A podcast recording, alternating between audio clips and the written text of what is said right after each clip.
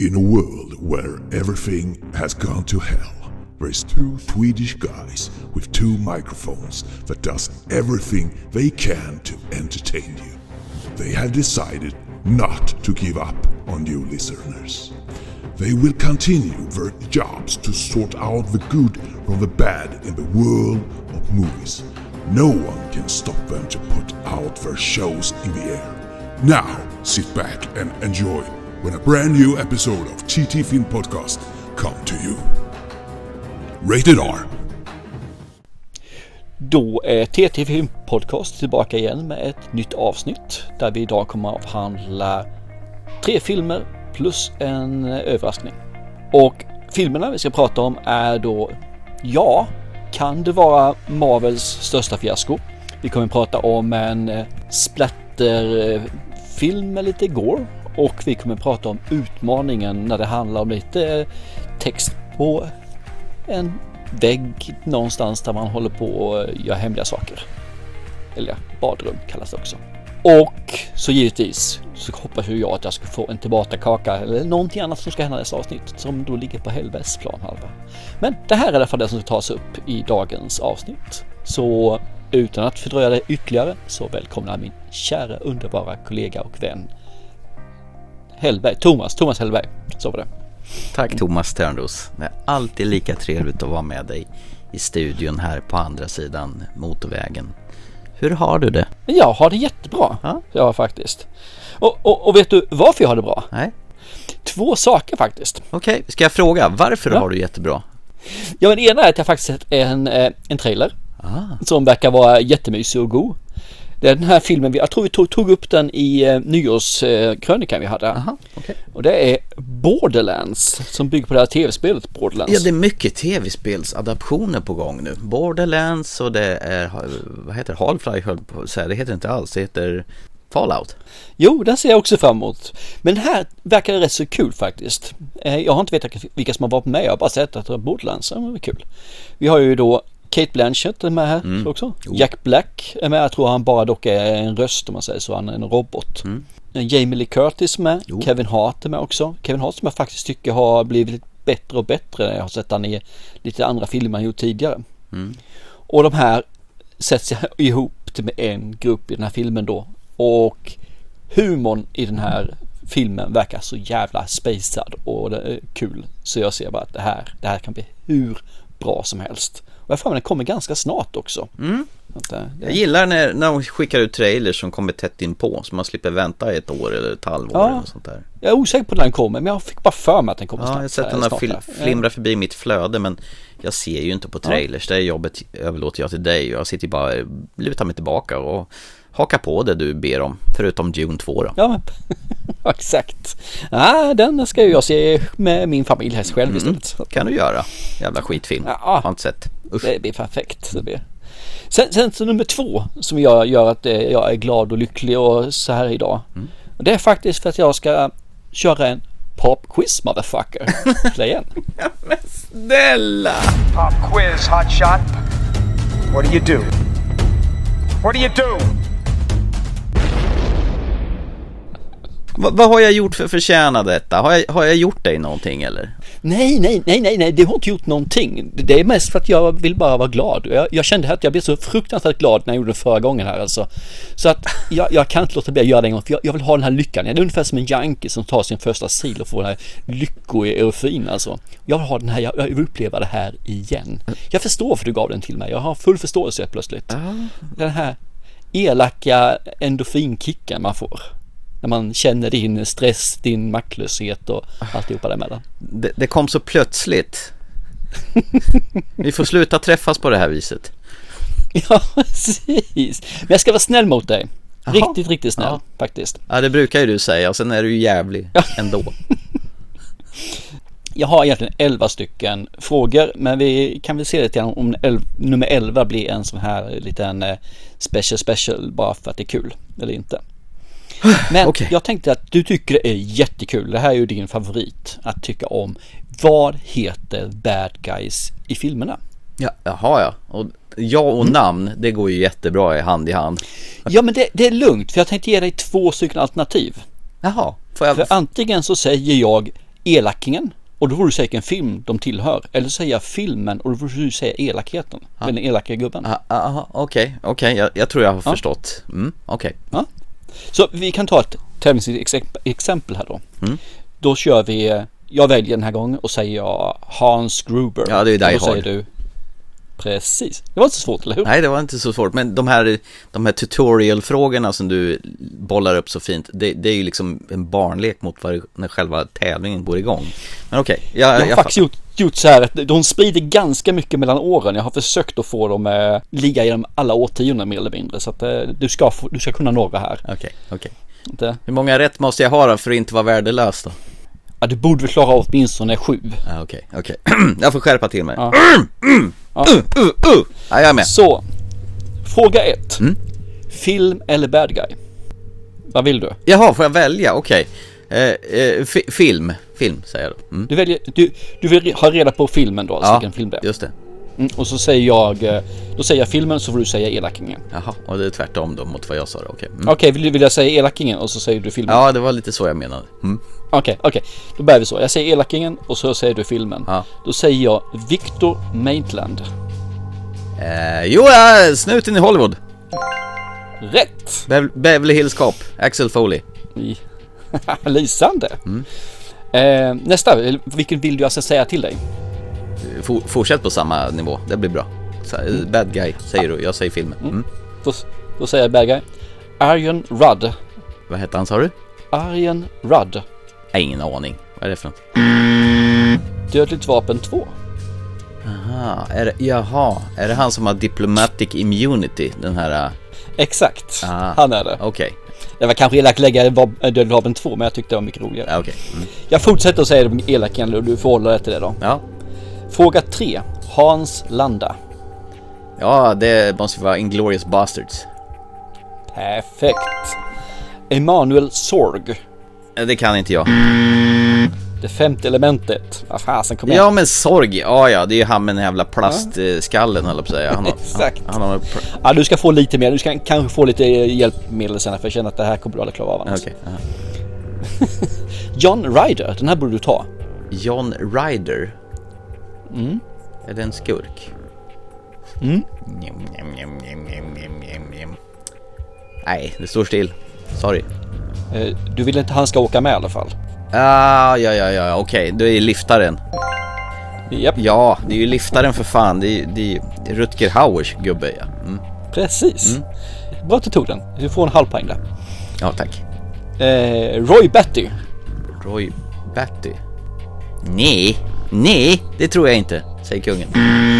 Filmen du alltid hatat tills den alldeles nyligen älskar den. Eh, va? Nej, nej, jag får säga pass på den. Blade Runner. Ettan. Aha, okej. Den här, nummer sju.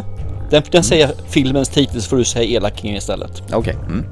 Det är No Country for Old Men. Är filmen.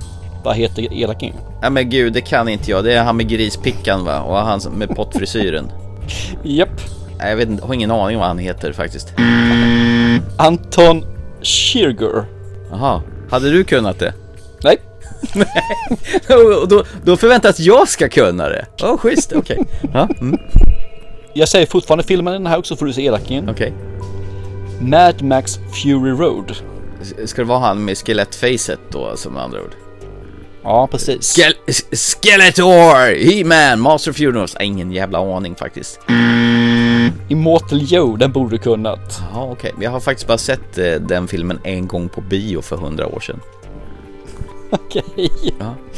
Och nu kommer en elaking, jag måste erkänna. Men det här, tar du inte den här så eh, blir jag ändå besviken på det. Okej. Jag säger elakingens namn och du ska säga filmen. Okej. Och el- elakens namn är Hal. Ja, det, nej men det är ju 2001, Space Odyssey.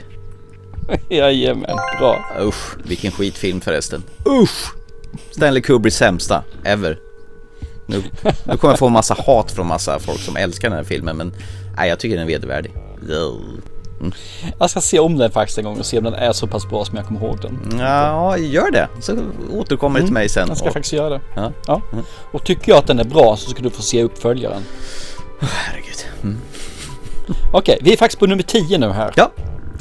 Och du får välja. filmen, ska jag säga filmen eller ska jag säga the bad guy? Jag säger the bad guy. Annie Wilkes. Ja, det är Lida. Misery. Stephen King. Härligt. Ja. Nu ska vi se här, du har en, två, tre, eh, fyra, fem rätt har du just nu. Oj, Ja, du har inte klarat av det. Du har misslyckats. jag är en fake. You are the loser baby. Men du ska få en go- bonus här. Okej. Du ska få. Klarar du av den här Ja. så anser vi att du har lyckats. Okej. I alla fall. Det här är liksom the coin flip. Det här är bonusen som gör att du svänger allting till din fördel. Så jag säger namnet på elakingen och du ska kunna filmen. Okej. Mm. Och elakingen är John Doe. Eh, John Doe, kan det vara så? Filmen? Nej. Nej. Nej, nej, nej för fan. Förlåt, förlåt. Seven! Seven! Bra! Lysande. Ja. Ja, det är klart. Det är ju Seven för fan. Det är ju Kev- Kevin Spaceys äckliga rollfigur. Han som gillar Precis. förvara kvinnliga huvuden i lådor. Ja, och ge till eh, respektive måste jag säga Ja, speciellt Gwyneth, Gwyneth Paltrows huvud. Till Brad Pitt. Oj, oj. Ja. Spoilade jag Tydligen. precis Seven nu? så. Oh, en jättegammal film. Åh. Vet du om, den här listan har och legat nu i min telefon i, eh, man måste vara ett och ett halvt år. Okej. Jag har först nu börjat använda den. Inte? Okej. Eller använda den. Du öppnade liksom en liten dörr på glänt här nu sist när du körde popquiz. Sen insåg jag, fy fan vad det är roligt att vara lite så sadistisk va? Precis, Pandoras ask öppnad. Ja, ja, men det gick inte helt värdelöst i alla fall va? Nej, du lyckades bra tycker Ja, jag. tack. Eh, En mindre än vad du skulle göra, men det, det, jag tycker det var rätt så, faktiskt jävligt bra gjort. Du fick lite hjälp på en, men det tycker sorg jag. borde jag kunnat, femte elementet faktiskt. Mm, jag tycker nästan Ja, det jag var för snabb att säga att jag inte kunde. Så, så den borde jag egentligen ha fått rätt för. Eh, ja, du borde faktiskt kunnat Roy Battery också tycker jag. Ja, just det. Exakt. Eh, Blade Runner, men ah, ja, Ja. okej. Men du visste i alla fall vilken eh, elaking det var på No Country Old Men. Ja, jag Namnet visste vem det var, men jag jag hade ingen aning vad han hette. Det visste ju inte du heller, så att... Det hade jag inte kunnat, det Nej. ska vi inte erkänna. Så jag menar, du, må, du måste ju ha frågor som du själv kan, annars är det ju fusk. Nej, för fan. Nej. Är du dum eller? Det kom inga frågor alls. Ja, det var roligt. Det var kul. Jag lovar, du ska få tillbaka med ränta. Vänta med inget annat. Nej. Ja, vad kul. Men du, Ja. har du någonting du vill förtälja här nu när vi har fått dig lida lite grann här? Ja men precis, jag, har en liten fundering här, en liten spaning här. Eh, vi satt och snackade om det här faktiskt när vi tränade sist i bastun här, eh, här häromdagen. Och eh, jag tänkte på, jag har en arbetskamrat som hade sett samma sak. Och jag tänker på det här med musik i filmer och serier som förstärker eller skälper eller om man överhuvudtaget inte tänker på det här. Det jag främst kom att tänka på, det var ju den här tv-serien på eh, Netflix som heter Fool Me Once, eller som den fånigt heter på svenska, Sanningen. En sån här liten pusseldeckare vars en sån här före detta krigskvinna blir av med sin man och ska försöka lösa varför han blir mördad. I början så sa jag det här är en fruktansvärt dålig serie. Men sen började jag fundera på varför jag tycker att den var så jävla dålig. Och det, det som stjälper hela serien det är ju den här dåren som har tonsatt eller lagt på musiken. Han har lagt på det som det skulle vara en värsta actiondänga som den musiken tar över, ska bestämma åt mig vad jag ska känna istället för att förstärka det som händer eller påverka utan det är verkligen, nu, nu är det spännande, nu är det sådana här äh, bass drops och du ska verkligen veta att oj vad det är spännande. Det har de bestämt dig åt dig, jag ska inte ens få chans och eh, känna efter. Och, och så pratade jag lite grann med dig om det där och likadant med min arbetskamrat som också hade sett den och ni hade inte liksom reflekterat det på samma sätt. Då, så min enkla fråga till dig, hur, hur känner du så här, när du ser på film, tänker du mycket på soundtrack och musik, hur, hur det påverkar hur filmer och tv-serier är upplagda? Eller är det bara jag som är extremt känslig för sånt här? Men du är extremt känslig. Det är inte med med det. Men vi hade ju ett sommaravsnitt också. Vi pratade om eh, musik i film ju. Ja, Och där framgick det väl rätt så tydligt att som jag ser det så är ju film för mig mer eh, subtilt. Det, det är någonting som förstärker någonting som finns där. Men det är ingenting jag lyssnar på. Eftersom jag inte lyssnar på det så har inte jag problem med att det blir så här dam så ofta i alla fall. Det händer när man har problem också. Så jag har, lägger inte märke till musiken direkt utan lägger märke till musiken indirekt istället och därför gör jag inte de här som du säger tadan eller att det ska pådyvlas någonting så ofta någonting för mig. Men det gör väldigt mycket för dig har jag förstått. Det, det jag kom att tänka på, i alla fall någonting som du påpekade var när vi såg uppföljaren till Blade Runner, nu när vi ändå pratade Blade Runner, den här 2049 mm. när Hans Zimmer hade tagit Evangelies eh, fackla Ja, precis, med hornen ja. Ja, precis, de här hornstötarna som var från eh, Arrival. Du kände som att du kastades ur illusionen ur den filmen för att nu jävlar, nu har han importerat sina Arrival hornstötar igen. Så här.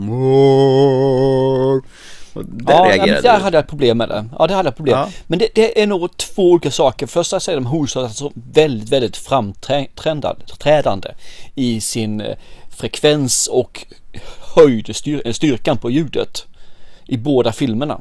Och eftersom så Arrival först, där han använder de här hornstötarna då väldigt, väldigt frekvent i, i väldigt påtagliga situationer i filmen och att jag då tyckte Arrival också var och är en av de bättre filmerna i den genren. Och då fick man komma till Blade Runner där man då är en ny film där man då ska försöka, ja som man säger, inte titta in i fönstret utan vara med i med karaktärerna. Och då kastas man ut och in i Arrival för mig. Det var jobbigt, det var det. Men det är väldigt sällan att det blir på så viset, det är det. Alltså, men eh, den gången var det det. Ja, håller med. Nej, det blir så himla påtagligt här just i den här tv-serien. Speciellt som man så här små saker som när huvudrollspersonen öppnar en hemligt lundfack och hittar en, en gömd mobiltelefon. Och du får där så här överanvändning av bastrop ungefär som att det här är världsomvälvande. Oj vad det här är spännande. Man kan vara, försöka vara lite mer försiktig när man tonsätter spänning med att använda det på rätt ställe och inte överdriva det. Jag, jag skrev ett litet mission här, när du ser Dune 2, återkom gärna hur musiken påverkar dig där. Kommer du bara sitta och lyssna på musiken och titta på filmen? Det kanske förstör för dig då. Nej, jag kommer skita i det du säger. Ja, det är klart. Jag kommer uppleva den filmen. Ja. Men eh, jag kan förstå vad du, vad du, vad du menar. Ja. För det finns ju ett exempel på en film då som faktiskt är Oscarsnominerad just för sin musik. Mm. Och det är ju Oppenheimer. Ja, just det. Där det, de står och pratar med, med varandra. Räknar massa ekvationer då för när fysikens lagar. Och samtidigt ska de ha, få det här då att det ska vara världens spännande, nästan en shootout någonstans. Alltså det är stressigt som fassan. Det passar inte alls in där heller. Och folk bara hyllade musiken. Men jag tycker själv att vad fan, varför gjorde han på det viset? Det skulle varit lugnt och sävligt, kanske lite spännande, lite spänning.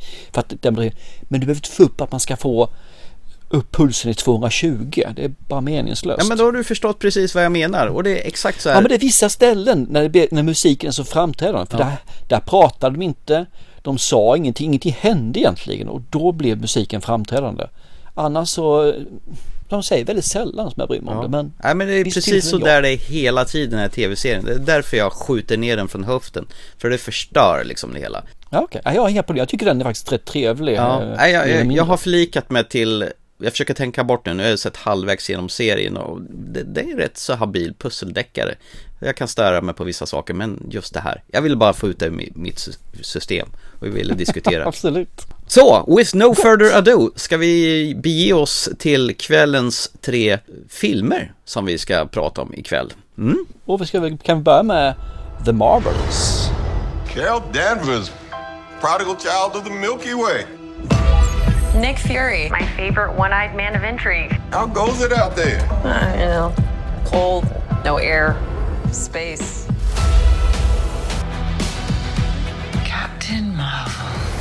The Annihilator. You took everything from me. And now I'm returning the favor. She's entangled our light-based powers. So we switch places whenever we use them. Strong theory. You can absorb light.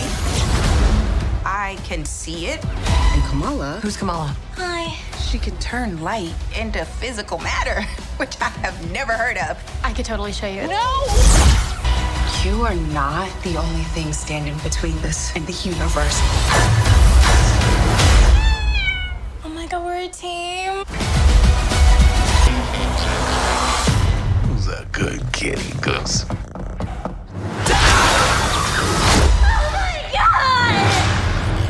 Can't. Can you? I got it. Vad var det du sa? Kan det här vara Marvels största flopp? Och den heter dessutom The Marvels. Mm. Ja. Det är... Alltså nu, alltså DVD, Blu-ray, aktuell film och även Disney Plus aktuell film sedan någon vecka tillbaka. Ja, det kommer väl mer eller mindre samtidigt faktiskt. Ja, eh, jag tror nog det också. Och du får ju återigen bekanta dig med Brie Larson som spelar Carol Danvers som är Captain Marvel. Och så får du även träffa Monica som låter nästan som Rambo när de uttalar det. Rambo! Och sen har du den här eh, Kamala Khan som är Miss Marvel som hade en egen tv-serie på Disney+. De här tre tjejerna är eh, ihopkastade. Eh, grundstoryn ganska enkelt. En elak tant med ett armband. Hon vill ta över världar. Hon vill eh, alliera sig med de här gröna skrullisgubbarna. De här som är ödel, ödleliknande med spetsiga öron. Men eh, hon, hon är arg.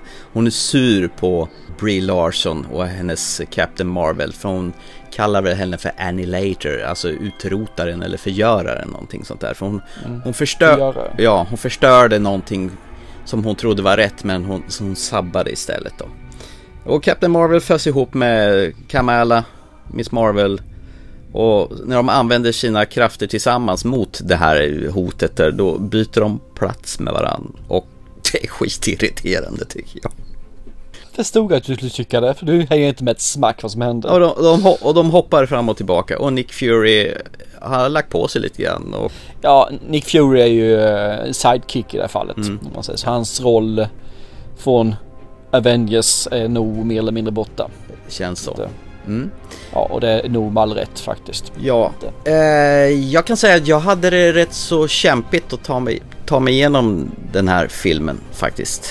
Eh, den här trion borde ju kunna blixtra tillsammans med tre tjejer som borde ha ett skönt samspel. I min värld så känns det som att Brie Larson inte tycker att det här var speciellt roligt. För hon ser jävligt uttråkad ut. Den som har mest charm det är ju hon som är Miss Marvel. Hon Iman Velani som spelar Kamala Khan. Som, jag har inte sett tv-serien överhuvudtaget. men Hon är rätt charmig. Ja, och sen har vi den här skurken då. Som har den här jättehammaren och bara stirrar jätteelakt och vill förstöra och hämnas. Och, och det är vanliga hoppis och skuttis och studsbollshoppande och fartränder och olika färger på fartränderna och sådär. Jag vet inte vad jag ska säga om det här faktiskt. Du får fylla i gärna. Ja, jag tycker mest skulle jag lyssna på dig. det var rätt underhållande faktiskt. Olika fartränder, Ja. färger och så här. Okej. Det här är i alla fall Marvels kortaste film helt- faktiskt genom tiderna. Ja, men det kändes jävligt lång ändå. Ja okej okej, ja men det förstår jag för jag har redan förstått vad du tycker om den så att eh.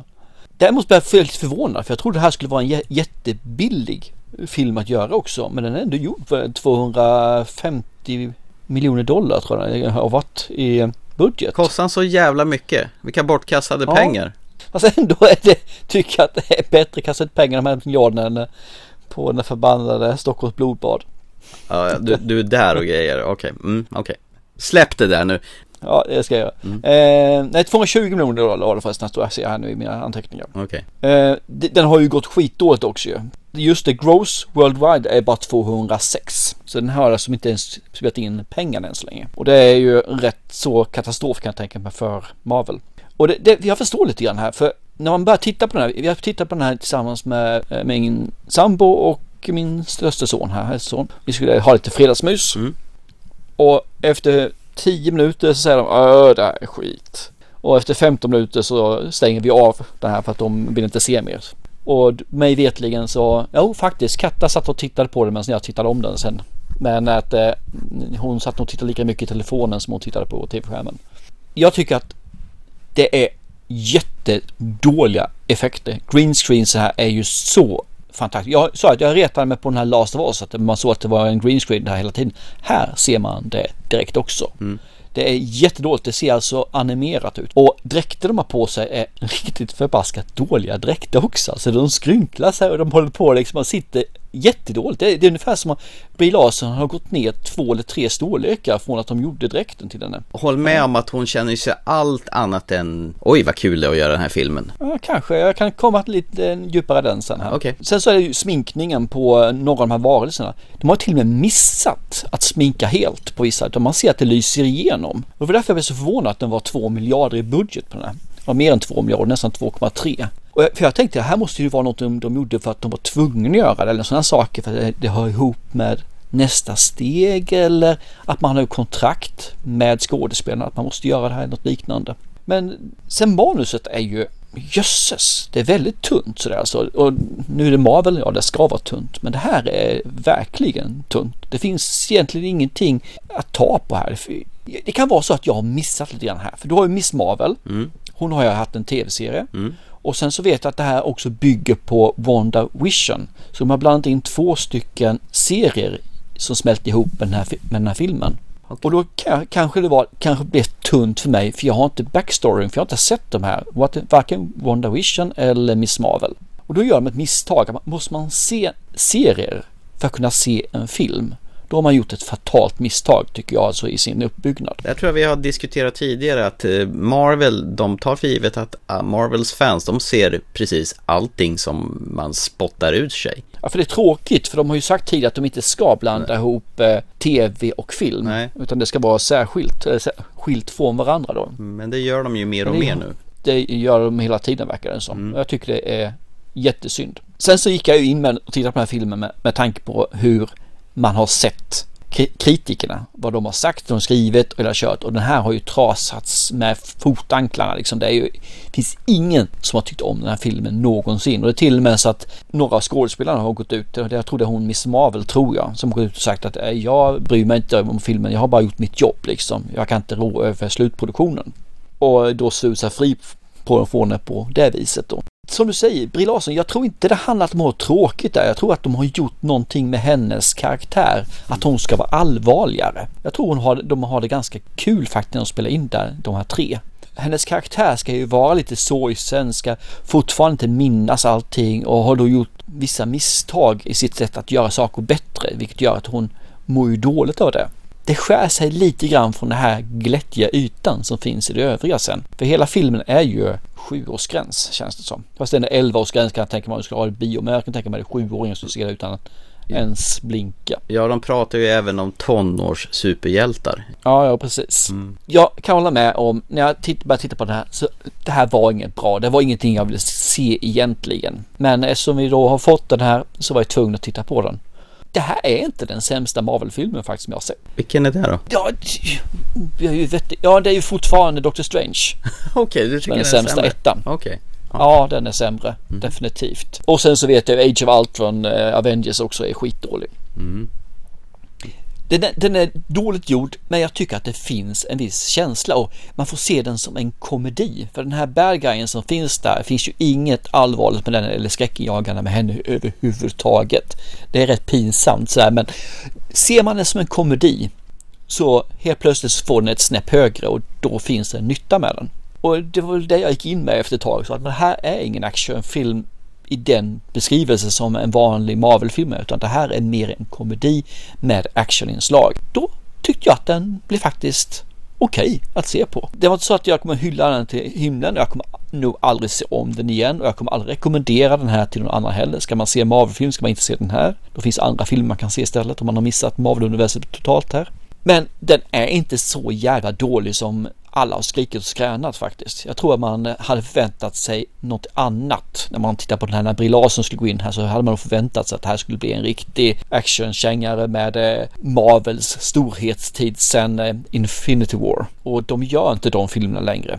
De gör inte ens i närheten av de filmerna längre. Konsentan, jag tycker nog att den här var duglig. Är du en sjuåring kommer du säkert tycka den här är jättekul. Är du som oss så får man nog eh, anpassa sig när man ser den. För annars så kommer det att bli en jobbig upplevelse. Ja, det här var en absolut jobbig upplevelse för mig. Jag är så sjukt trött på det här hoppande och skuttande att, och att när de slåss och de ska kasta varandra genom väggar. Laserstrålar som går upp i himlen. Jag menar, hur, hur ofta har de inte Och det? ändå så tyckte du om Flash som är exakt de sakerna du sa nu. Tyst! Nu var det inte, nu var det inte den vi pratar om. Nu är det den här skiten. Det, det jag känner börjar gå i stå, det är ju deras det här eviga att det ska byggas vidare hela, hela tiden. Det ska byggas vidare och det, de här post-credit-scenerna. Alltså jag är så trött på det så, så det finns inte. För jag menar, de här bygga vidare-grejerna, det, just nu så leder det inte till någonting speciellt. Utan det är bara, okej, okay, vi teasar vad som eventuellt kan komma. Och nu, är, i och med att den här gick så jävla dåligt, så är jag inte ens säker på att det blir någon fortsättning på det ena eller det andra. Och där återigen så blandar vi in tv-serier och filmer. Ja, den. men den kommer faktiskt. Det de teasade lite grann som du säger nu här. Det, den, den, är faktiskt planerad den filmen. Och antar i alla fall att den är. För den kommer 27. Så den ligger långt, långt fram. Så att eh, de bygger nog fortfarande vissa saker. Men de har ju sagt att vi kommer inte bygga den stora världen igen som de gjorde tidigare. Utan det, det ligger långt fram i tiden när de kan göra sånt stort som Jag Infinity tror War. till och med även eh, Disneys VD har gått ut och veva om att mena på att Marvel har ingen ordentlig styrning längre. Att det, det finns, det är inte riktigt det här engagerande historia längre utan det känns som de har tappat fotfästet en aning.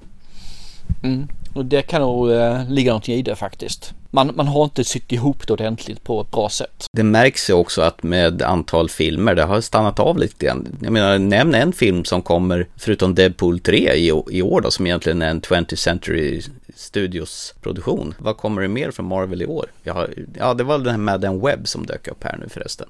Mm. Nej, men de har dragit ner rätt så mycket på det nu. De har sagt att de ska göra det också. Jag har inte koll på vilka vad som kommer faktiskt, jag känna från Man kanske sitter på sina kammare och funderar på vad ska vi göra med det hela.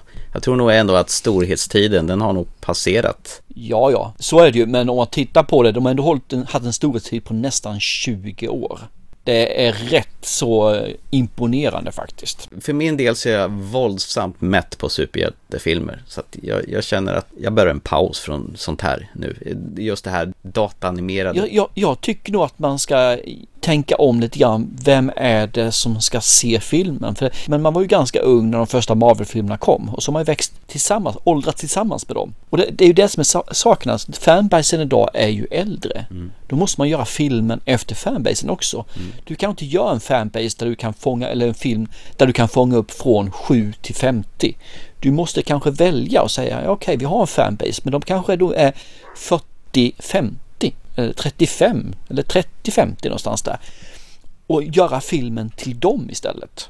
Det behöver inte vara så att det ska vara gorigt, men det måste vara kanske lite mer vuxet mm. än vad det är i de här filmerna. För det här med att bygga brett, det, det fungerar när det är hypat. Men när hypen lägger sig som gjort med Marvel, då måste man, vad är kärnan? Vilka är de som verkligen går och ser filmen och varför skulle de gå och se våra filmer? Och det har de missat tycker jag. Jag vill bara se på den här förbaskade filmen Five Nights at Freddy's. Den gick ju hur bra som helst. Bara för att de såg att vi hade en fanbase. Du behöver inte ha att det ska vara fyra miljarder som ska se den. Det räcker kanske att det är en miljard som ser den här filmen. Nåväl, de som är hugade och vill se den här soppan, eh, den finns numera på Disney Plus och beskåda. Eh, och finns säkert på alla övriga streamingtjänster att hyra också om man nu skulle vilja. Eh, Marvels ute nu från 2023, en timme 45 minuters plåga om du frågar mig.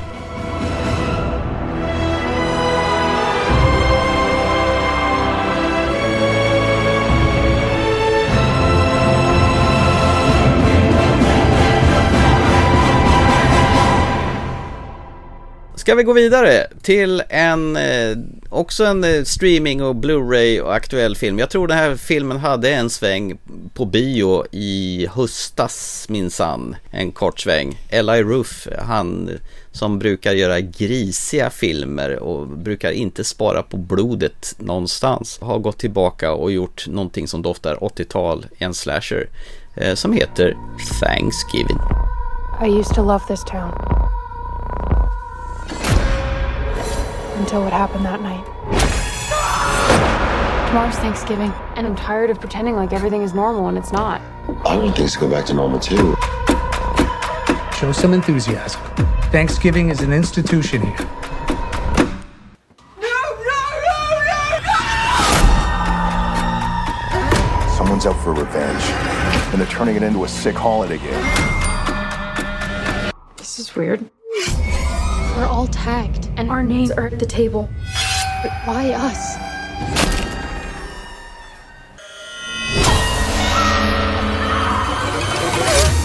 The longer this goes, the more twisted it gets. Every weapon he's using is straight off a Thanksgiving table. I don't want to spend my life looking over my shoulder. We need to stop him. It is going to be a very happy Thanksgiving.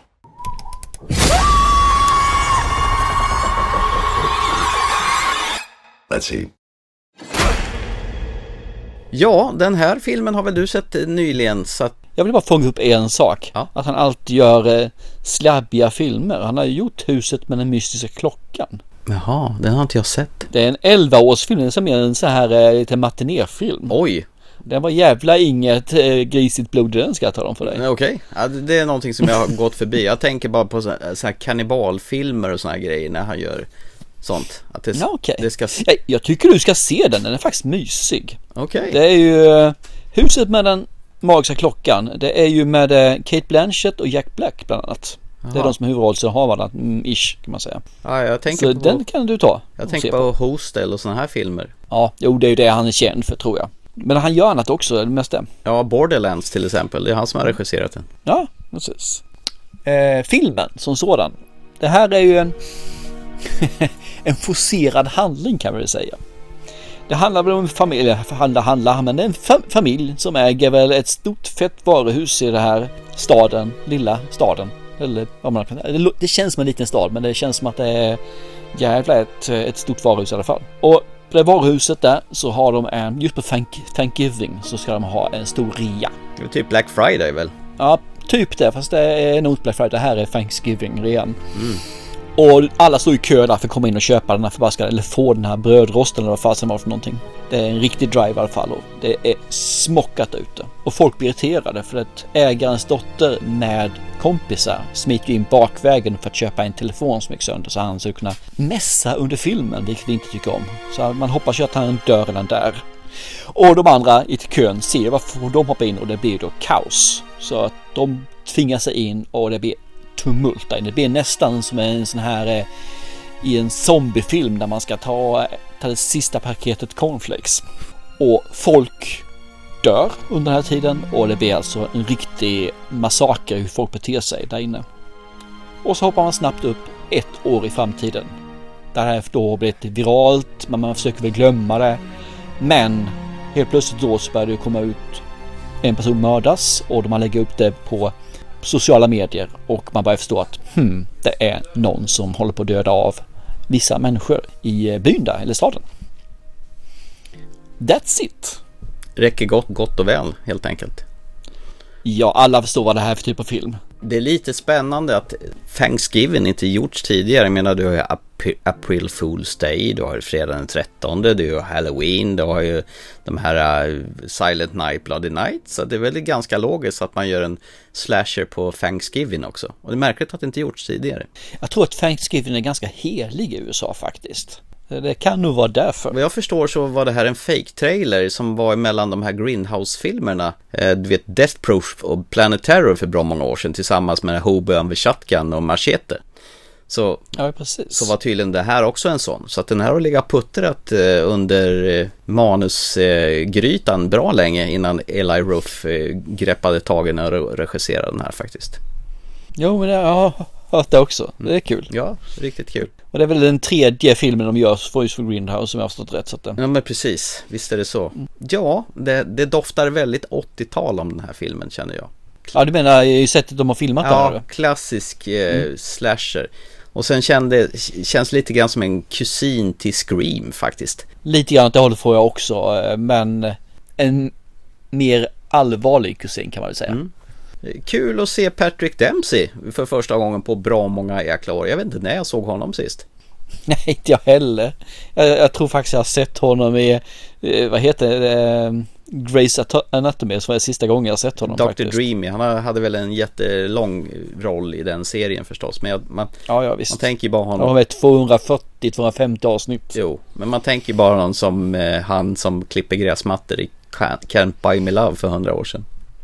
Precis. Och sen har han varit med i Transformers också, kommer jag på nu förresten. I Transformers 3. Ja, okej. Okay. Men han har ju blivit vuxen och han spelar ju en polis här, eller en sån här lands, eller sheriffen i stan där som är mm. med och utreder de här morden. Rent spontant så här, jag satt och mös till den här filmen. Jag tycker det, det är rätt underhållande när unga tonåringar gör dumma val och man vet att här ska det betas av en efter en. Och det som ty tycker jag skiljer mot sådana här äldre slasherfilmer det är att eh, de här, nu, nu har vi en, eh, det var väl någon typ av eh, har det med, med Thanksgiving att göra, den här John Carver-masken som de har med sådana här? Ja, det är pilgrim, en pilgrimsmask. Just det, precis, en pilgrimsmask. Mm de här offren som blir jagade, att det tar lite tid innan de tas av daga. Så man börjar fundera ibland, kommer den här personen överleva eller inte? Ja, men de kanske gör det, bara nej, det gjorde den inte, eller gör den det?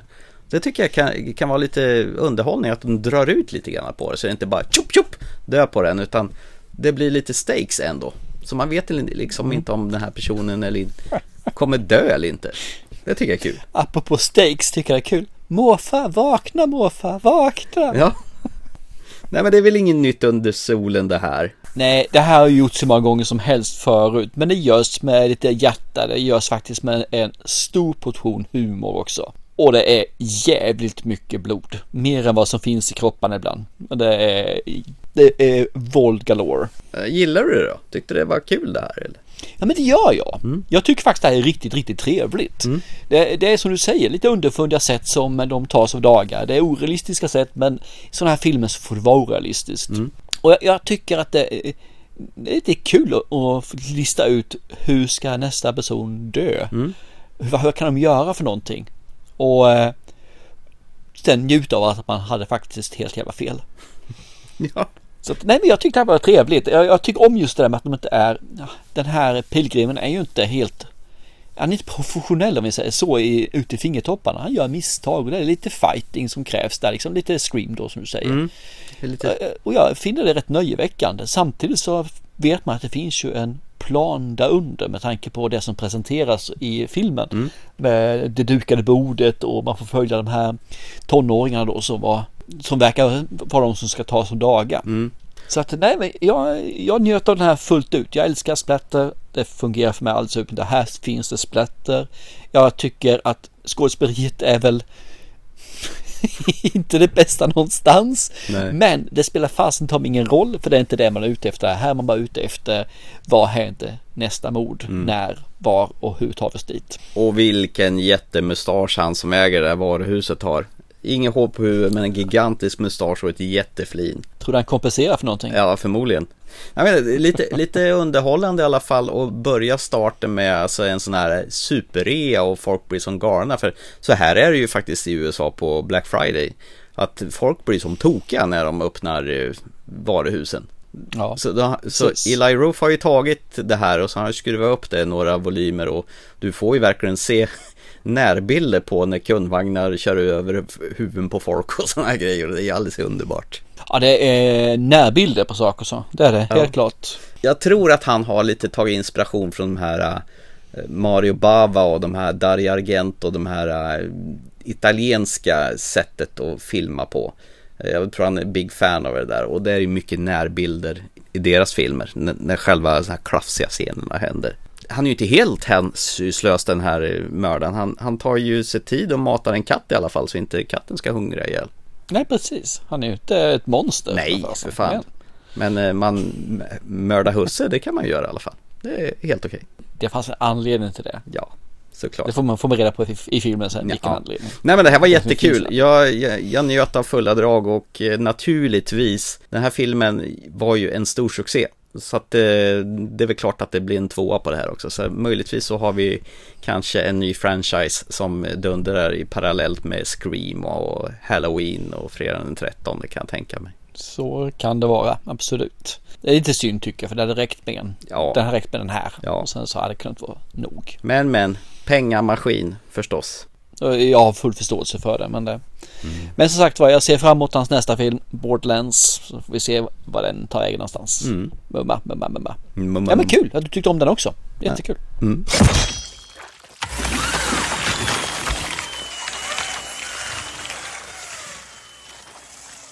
Dinner is served. Jag säger så här att jag är jättenyfiken på eh, nästa segment här faktiskt. ja, det förstår jag att du är. Eh, Jag fick ju av dig utmaningen här från förra programmet, eh, filmen Words on Bathroom Walls. En film från 2020, så den här har ju fyra år på nacken i alla fall. Honey, it's so good. Yeah? Mm-hmm. Have a good day. Me too. When you're finished with the questions, please pass them forward.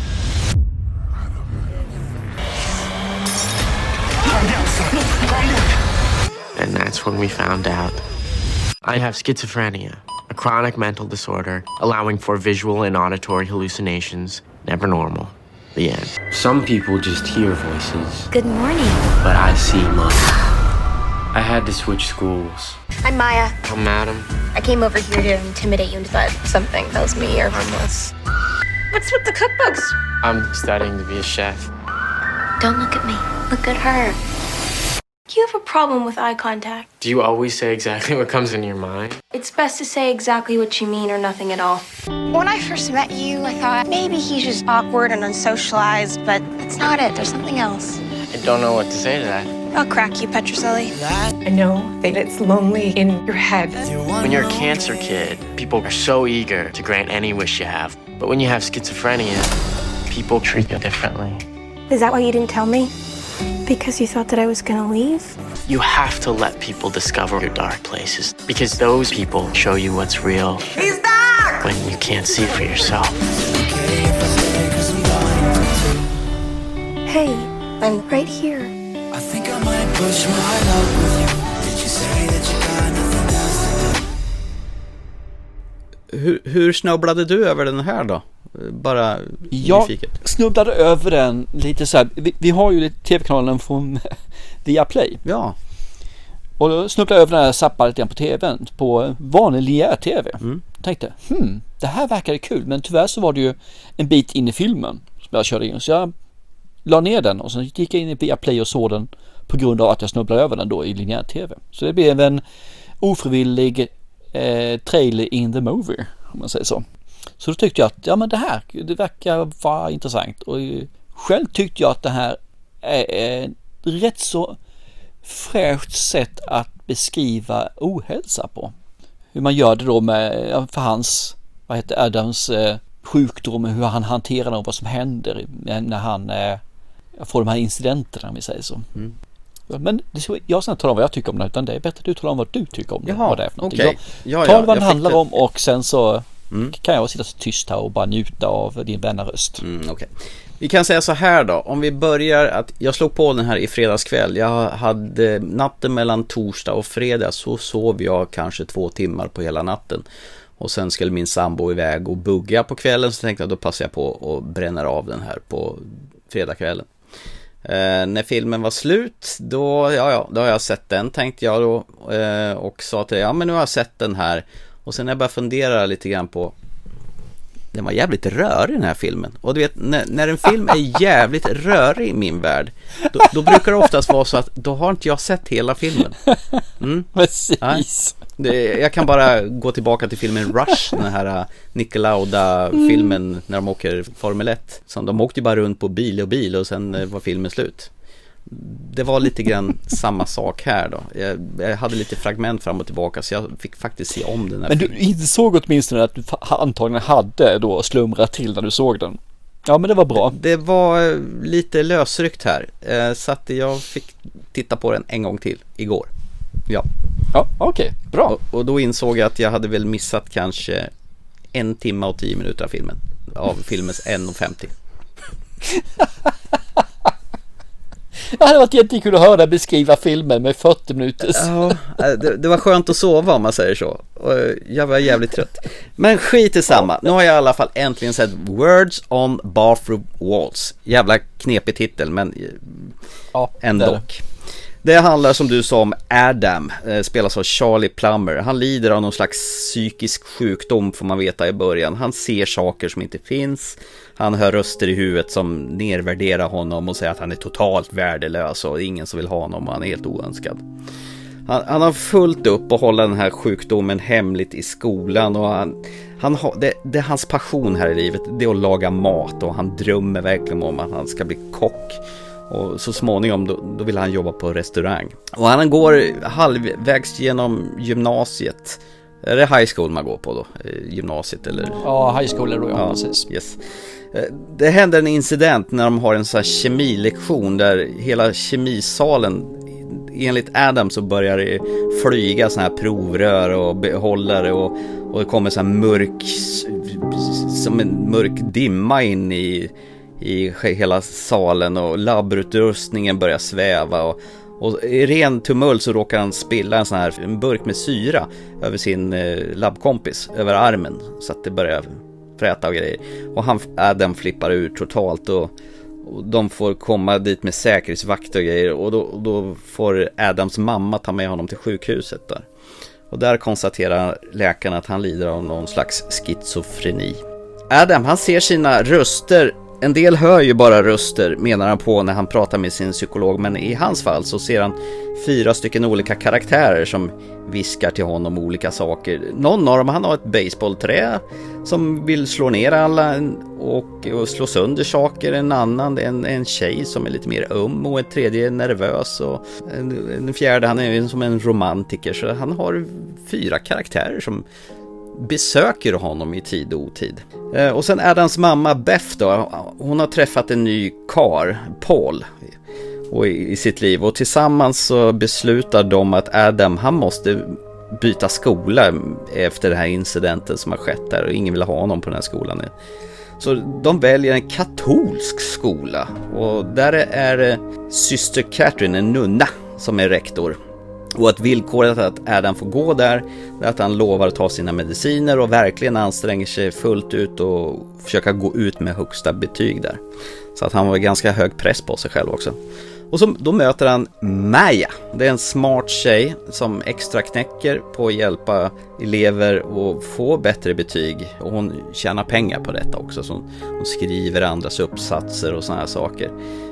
Hon är väldigt rätt fram och hon frågar saker rakt ut. Till exempel var, varför Adam, varför har du så svårt med ögonkontakt? Hon har liksom ingenting övers med kringelkrokar utan hon, hon, hon går rakt på sak. Och Adam han inser att han aldrig kommer klara sig på egen hand och få tillräckligt bra betyg så att, och nå sina de här kockdrömmarna. Så att han anlitar Maja och hjälpa honom. För hon ska ju ha betalt för att hjälpa honom då. Så Adam försöker hålla sin sjukdom i schakt. Han mörkar det här för Maja. Han håller ju naturligtvis på att bli lite betuttad i henne. Och han måste förlika sig med mammas nya kille som inte alls verkar kunna ta till sig Adams situation och hitta balansen mellan det normala och, det mer eskalerande sjukdomsförloppet. Ja, oj, nu, nu, nu drog jag ut det i långbänk här igen. Men det, det kändes som det krävdes det krävdes det för att liksom förklara den här premissen. Tycker jag. Mm. Mm. Ja, men, bra. Första känslan när jag satte mig ner och tittade på det här, då, då talade jag nog om första titeln då, innan jag somnade. ja, okay. då, då kände jag att, fan, ska man göra humor på det här eh, med schizofreni, det är ju ett rätt allvarligt ämne. Det här kommer ju bli hur pajigt mm. som helst. Att ha ett gäng karaktärer som går vid hans sida och tycker och säger vad han ska och inte ska göra nej, det här kommer bli en grandios dikeskörning, kände jag där. Och så sitter Adam hos psykologen och berättar sina upplevelser. Eh, och du får aldrig se den här psykologen då, utan man ser bara han tittar in i kameran och berättar där. Eh, men, eh, Charlie Plummer som spelar Adam, han, han gör det på ett, vad ska man säga, ett väldigt delikat och skört sätt. N när man ser honom, jag verkligen tror på hans, den här sjukdomen och när han får de här aggressiva episoderna som sker, då, då, känner jag verkligen med honom då. Och sen har du ju Molly Parker som spelar hans mamma. Hon är ju helt jävla magisk. Man, man känner verkligen att hon gör allting för sin son. De har ju verkligen sådana här riktiga samtal och de har sina konflikter. Och det känns som det är hämtat ur det verkliga livet. Det känns inte spelat. Och eh, sen har du ju Paul Wall... Walton Goggins som spelar mammas nya kille då, han brukar ju spela såna här otrevliga, slemmiga typer jämt. Det har väl med hans utseende att göra. Och Mm, han ser alltid grym ut. Ja, han gör ju det. Och här får man ju på sätt och vis eh, uppleva det också. Och eh, han, han har ju ett utseendet mot sig, eller vad man ska säga. Jag vet inte vad, vad jag har honom i den här filmen. Och, och det adderar egentligen bara till pluskontot på den här filmen. Att inte veta vad han är för typ egentligen. Men det som jag blev ganska överraskad över, det är att se Andy Garcia i den här filmen. När såg man Andy Garcia senast? Han spelar präst. Eh, den här Father Patrick som är den som Adam går till och ventilerat hos, eller biktar sig. För han går ju verkligen i en sån här biktarstol. Har inte du sett Pain Hustlers? Pain Hustlers? Nej, jag har inte sett Pain Jaha. Hustlers faktiskt. Ja, han är med där. Ah, han också. ja, vad roligt. Får ta och titta på den också, för jag inser att fan vad jag har saknat att se Andy Garcia. Han är ju stört skön. Och, och i den här filmen så har de ju, han och Adam har ju en riktigt så här rätt fram och rak kommunikation. Det har ju egentligen ingenting med Gud att göra, för Adam han, han är ju ganska tydlig med att han tror ju inte på Gud och han, Fader Patrick, han, han ser honom ändå och guidar honom trots att han inte har den här gudstron. Deras snack, det, man, man vill hänga mer med de här två. Men, sen har du ju Taylor Russell som spelar Maya, hon som ska hjälpa honom och få bättre betyg. Men vilken jävla charm och karisma den tjejen har då. Eh, deras samspel de har, alltså det, det slår ju gnistor och jag köper helt och hållet deras snirkliga, krångel, kringliga re, relation där. Eh, jag kan erkänna från början att jag gick in med en sån här riktigt förutfattad mening. Vad för slags film jag skulle få. Eh, jag trodde jag skulle få en sån här jävla sliskig tonårs romcom i stil med Clueless eller Mean Girl som du tänker de typerna av filmerna då. När sa du att det handlar om döden eller sjukdom? Jo, du gjorde det, men jag tror jag förträngde just det du sa för att när jag började titta på den så. Mm, Men det man får istället, det är ju en jävligt jordnära film om relationer och människor som faktiskt bryr sig om varandra på riktigt. Och, och i centrum så står ju den här besvärliga sjukdomen som, som Adam har. Eh, det, det handlar ju om att må dåligt. En jävla massa ånger och mörker. Så, jag känner att jag mådde dåligt också. Och jag kunde liksom känna med honom när han får de här episoderna. Fan vad hemskt det här är. Men det handlar ju också om att aldrig ge upp sina drömmar och, och ha människor runt omkring sig som bryr sig om dig. Man blir inte knäckt och ger upp utan och blir bara ord på en badrumsvägg som han antyder i filmen, därav titeln också. Men det här var riktigt, riktigt bra. Det, det jag fastnar för när jag såg den här filmen det är att den har en viss likhet med att den bryter mot eh, gängse regler hur man gör en viss typ av film. Ja, exakt. Som ungefär den här filmen Together Together gör. Ja, exakt. Precis. Den bryter ju mot reglerna hur man gör en romcom. Ja. Och den här bryter också mot reglerna hur den, ska, hur den här filmen ska göras. Exakt. Och det har ju kunnat bli hur sliskigt och puttinuttigt som helst, men det blir ju inte det. Utan det här känns ju som att det här är ju hämtat på ur verkligheten, men sen illustrerar du vad han upplever på ett jävligt smutt sätt. Så att det blir Visst ju... gör de det? Det blir ju lite kul samtidigt som det är jävligt tragiskt och mörkt. Så att, nej, det var en jävla läcker balans och det var ju det var ju skönt att jag såg om det här för att den här filmen hade ju varit så långt ifrån komplett överhuvudtaget. Och det blir ju ett par riktiga ögonöppnare för både en som tittar och för Adam också i den här filmen. Och just det här att trots att han har den här sjukdomen, nog fan men ska han, han vill försöka nå dit sina mål ändå. Mm. Ja, precis. Ja, nej det, det, här, Vad kul, det här var vad kärlek. kul att du tyckte om den. Ja, jag tyckte om Eh. den. Det här var, det här var kärlek. Jag, jag satt och det rann, det rann tårar ur ögonen när filmen var slut. Ja men det förstår jag, Mm. definitivt. Det, det finns en scen mellan hans, ja som jag säger styvpappa vet jag, men hennes, hans mammas kille Ja. och han. Som där, ja fy fan jag, jag är svag för sånt. Mm, jag med. det ska till en tysk regissör att få till det här. Det är Tor Freudendahl. Det roliga är att jag, jag läste lite grann så här. Jag brukar gå in på IMDB och kika folks betyg på sånt här efteråt när jag, när jag har sett den. Det var någon som hade sett den här tillsammans med en mamma som hade sett det med sin son som lider av psykisk ohälsa. Och den här sonen hade sagt det är precis så här jag känner. Så att han hade tvingat sin mamma att se den här filmen. För att, Jaha. Så att eh, de har ju träffat rätt. Man, man har tagit verklighet och sen illustrerat det på, på ett jävligt fint sätt. Fan vad, kul alltså. För det här har man lyckats att få att en som har samma syndrom att känna sådär. Då, är, då har man ju lyckats. Mm. Faktiskt. Ja. Nej. Nice. Nej, det var bra. Det här hade jag aldrig slagit på om jag inte hade fått av dig. Så tackar så hemskt mycket.